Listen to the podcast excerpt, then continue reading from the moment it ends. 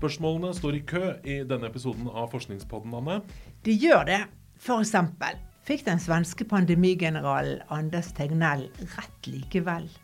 Var det feil strategi å stenge ned hele samfunnet i mange måneder av gangen? Et helt annet spørsmål er om Mozarts musikk kan lindre epilepsi. Og hvis du syns det høres usannsynlig ut, så nei. Eh, det holder å gå inn på nettsidene til Epilepsiforbundet. Det er nemlig et tema der. Og av det enda mer kuriøse slaget. Det fins en infam sopp der ute som absolutt ikke er til å spøke med. Jeg heter Anne Synnevåg, og med meg i studio som vanlig redaksjonssjef i forskning.no Bjørnar Kjensli. Og vi starter med enda et spørsmål.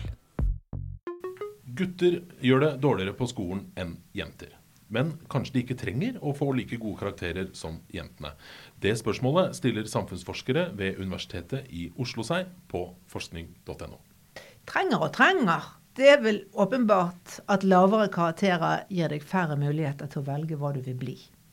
Og om ikke mange år så er det kvinnene som dominerer legestanden og advokatstanden og andre akademiske yrker, rett og slett fordi jentene får bedre karakterer enn gutter. Og færre gutter kommer inn på disse studiene. Det stemmer, men det betyr ikke at guttene nødvendigvis blir tapere på arbeidsmarkedet, mener Sara Sehus, som forsker på kjønn og utdanningsvalg ved Universitetet i Oslo. Hun sier at i yrker innen bygg, anlegg og elektrofag, som er mannsdominerte jobber, er lønnsvilkåra gode. Så menn i disse yrkene tjener like mye eller mer enn kvinner med lang utdanning, som da blir jurister, leger eller psykologer. Så guttene har mindre å vinne på å få gode karakterer?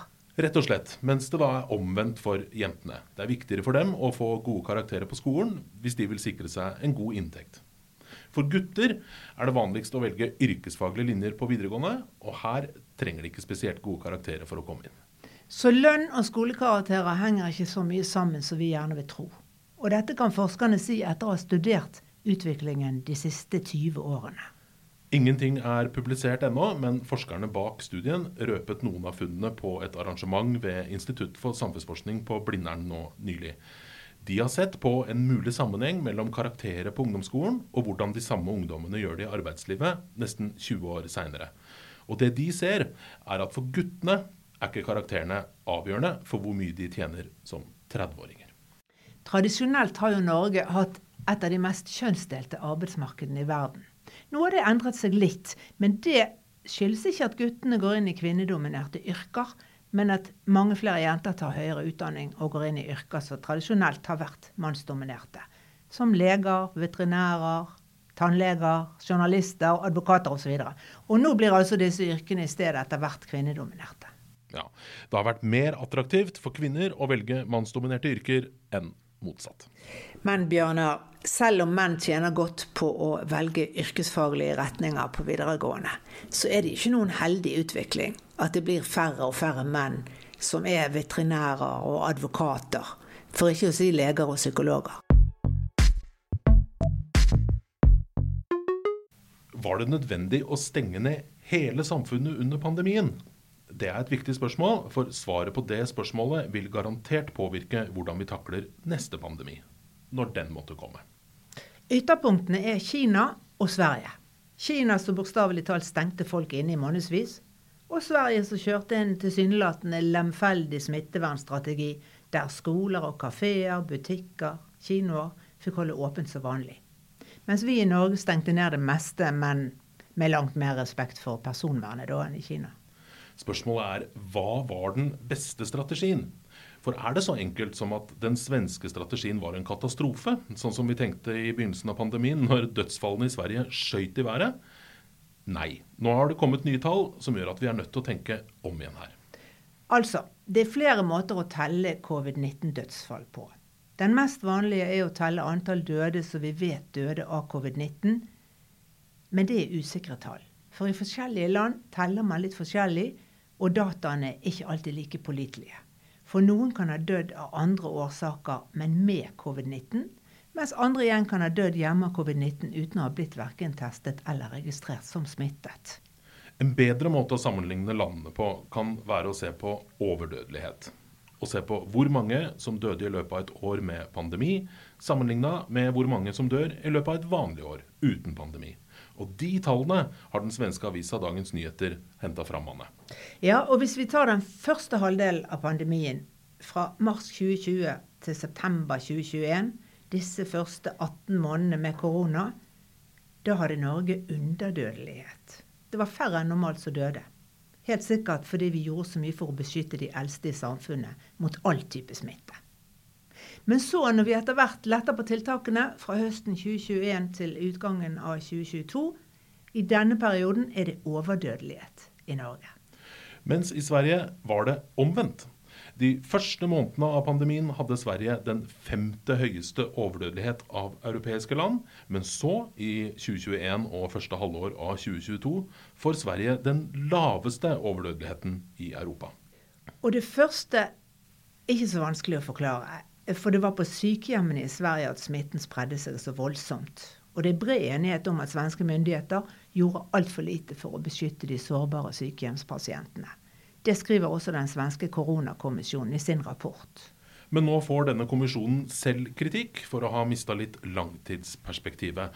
For hvis vi sammenligner overdødeligheten i de europeiske landene for alle tre åra med pandemi, altså 2020, 2021 og 2022, da, da skårer Sverige best av alle. Sverige har en overdødelighet på 4,4% og det er lavest i Europa det, for den treårsperioden. Til sammenligning har Norge en overdødelighet på 5% og det er nest lavest. I Tyskland var overdødeligheten på 8,6 og verst ute i Europa er Bulgaria med nesten 20% overdødelighet. Så nå kan Anders Tegnell slå seg på brystet og si 'hva sa jeg'? Men han gjør ikke det. I et intervju med Dagens Nyheter så maner han heller til litt ydmykhet overfor alle som ble rammet av pandemien. Han sier også at overdødelighet er et mål som òg har sine svakheter, og som må tolkes med forsiktighet. Ved Karolinska instituttet i Stockholm har Karin Modig analysert overdødeligheten i Sverige under pandemien. Og hun sier at flertallet av svenskene som døde av covid-19 i 2020, ville ha levd ett, to eller tre år til hvis de ikke hadde blitt smitta av koronaviruset. Så når Sverige får lavere dødelighet mot slutten av pandemien, så er det trolig et resultat av at mange dem som normalt ville dødd da, de døde allerede i 2020. Og det er vel ikke noe strategi å trakte etter, sier forskeren ved Karolinska. Så hvis svenskene hadde klart å beskytte sine aller eldste bedre, og hatt bedre smittevern i sykehjemmene, sånn som vi klarte det i de andre skandinaviske landene, så ville dødeligheten i Sverige trolig fordelt seg mer normalt gjennom pandemiårene. Og da står vi igjen med det store spørsmålet. Når overdødeligheten totalt gjennom hele pandemien var lavest i Sverige, som ikke stengte ned, men lot ungene gå i barnehage og på skole som vanlig, og holdt åpent på restauranter og kinoer og treningssentre, var det da så lurt å stenge ned hele samfunnet, sånn som vi gjorde i Norge? Kunne vi klart oss med langt færre restriksjoner? Kanskje tok ikke Anders Tegnell feil likevel. Ellers, litt i samme gate, strømmer det på med studier nå av bivirkninger av koronavaksina. Det er satt milliarder av doser av vaksine på verdensbasis, og det forskes for fullt på mulige bivirkninger. Den vanligste bivirkningen av vaksinen ser ut til å være menstruasjonsforstyrrelser. Men da er det verdt å merke seg at for kvinner som har hatt covid-19, er menstruasjonsforstyrrelser enda vanligere enn hos de som er vaksinerte. Og det overrasker ikke forskerne, for menstruasjonsforstyrrelser er også rapportert etter andre virussykdommer. Så det kan handle om at kroppen da omdisponerer energi og ressurser i møte med viruset. Eggløsning er jo en veldig ressurskrevende prosess for kvinnekroppen, så en virusinfeksjon kan gripe inn og påvirke den prosessen. Andre alvorlige bivirkninger av vaksinen er hjertemuskelbetennelse, som ikke er veldig dødelig, men likevel alvorlig. En nordisk studie viser at den rammet én av 20 000 friske ungdommer som fikk koronavaksinen. Men igjen, da. Hvis du ikke er vaksinert og får covid-19, da har du sju ganger så høy risiko for å få hjertemuskelbetennelse. Så her er det ikke noen garantier for noe som helst. En annen sjelden bivirkning er blodpropp. Vi husker jo problemene med AstraZeneca-vaksinen. Men denne bivirkningen var likevel så sjelden at du kunne drevet klinisk utprøving i en befolkning i 20 år og aldri oppdaget den, sier vaksineforsker Gunveig Grødeland til forskning.no. Og dette her kan du lese mer om på nettsidene våre. Forskning.no har fått en pris, Bjørnar. Ja, fagpressens pris Årets sjarmør gikk i år til eh, journalist Ingrid Spilde i vår redaksjon, og det var stor stas. Årets sjarmør. Ok. Jeg skjønner godt at hun fikk en pris for denne saken.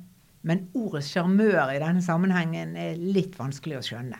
For artikkelen handler om noe så usjarmerende som en sopp som lokker en flue til å pare seg med et muggent lik. Flua det er eh, den alminnelige husflua.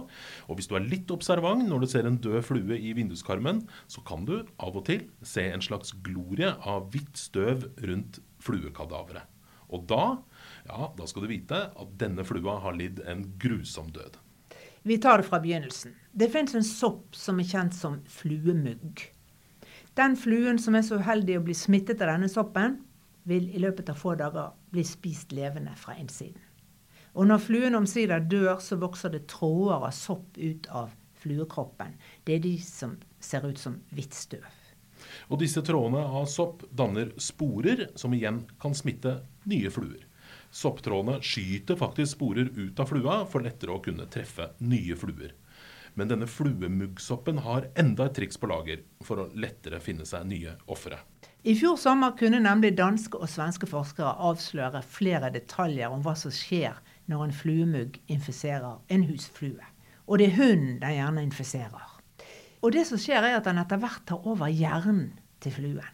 Etter seks dager, når soppen har spist seg gjennom store deler av fluekroppen, da har den også manipulert hjernen sånn at den dødssyke fluen søker seg til et høyt og lyst og godt synlig sted. Der klamrer han seg fast og dør. Men for soppen har moroa bare så vidt begynt. For nå setter han i gang produksjon av feromoner. Duftstoffer som er myntet på hannfluer, som gjør at hannfluene får en uimotståelig trang til å pare seg. Og sånn tiltrekker den døde hunden seg sprengkåte hanner, som selvfølgelig blir smittet av sporene til den utspekulerte soppen. Det ser ikke ut som hannfluene vegrer seg for å bli nekrofile heller. Snarere tvert imot. Eksperimentene som de danske forskerne har gjort, viser at hundene virker mer og mer tiltrekkende på hannen jo lenger tid det har gått siden de sovna inn. Over et døgn etterpå svermer hannene rundt den døde flua og parer seg. Og det handler om at soppen produserer stadig mer av de uimotståelige duftene jo lenger den har fått velte seg i den døde fluekroppen.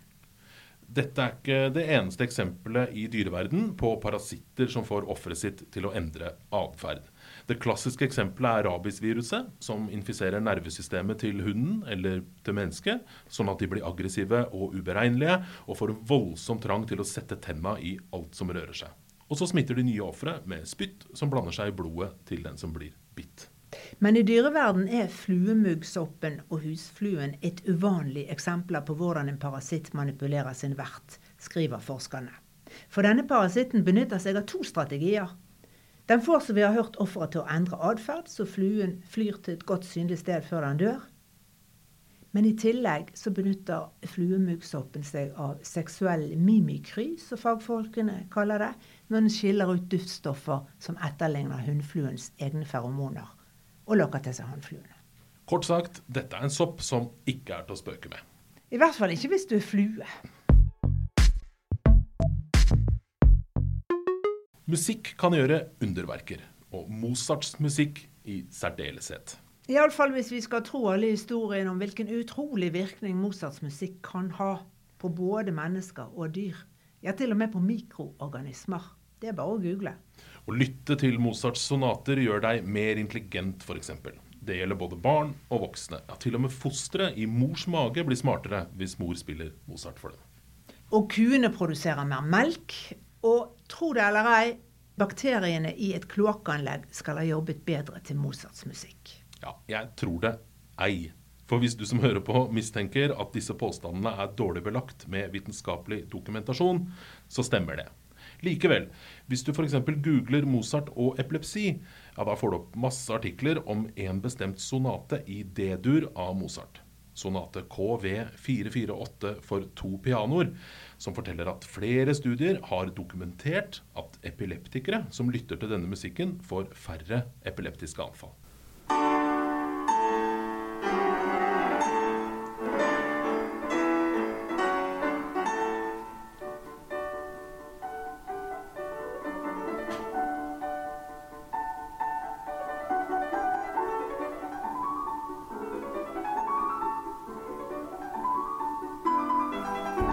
Nydelig musikk. Men kan denne musikken virkelig lindre epilepsi?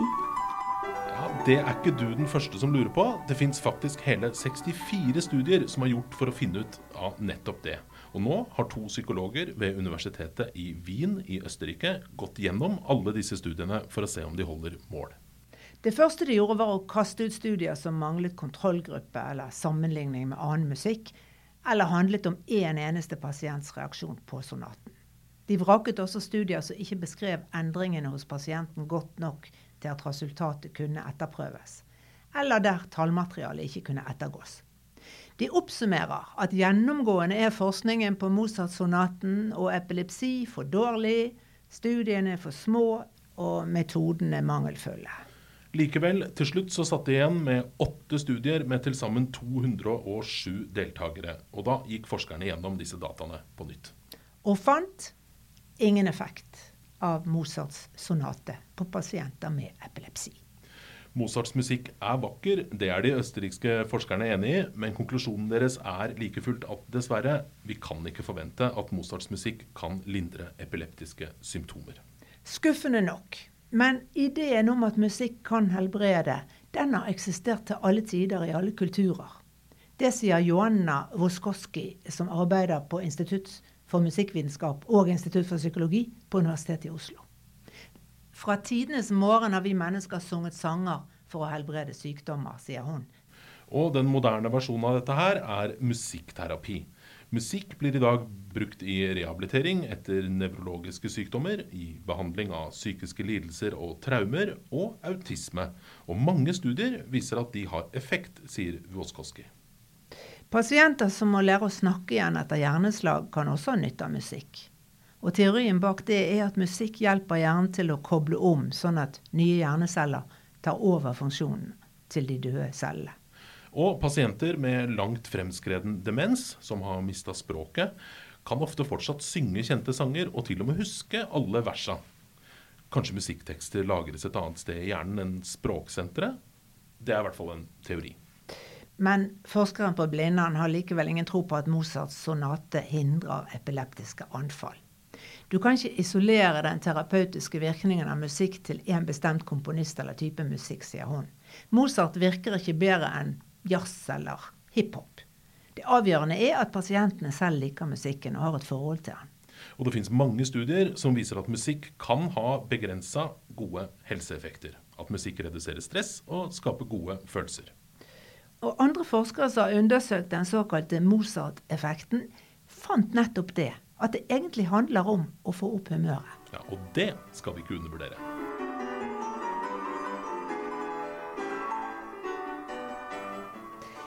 Vi hadde i dag. Forskningspodden er laget for forskning.no.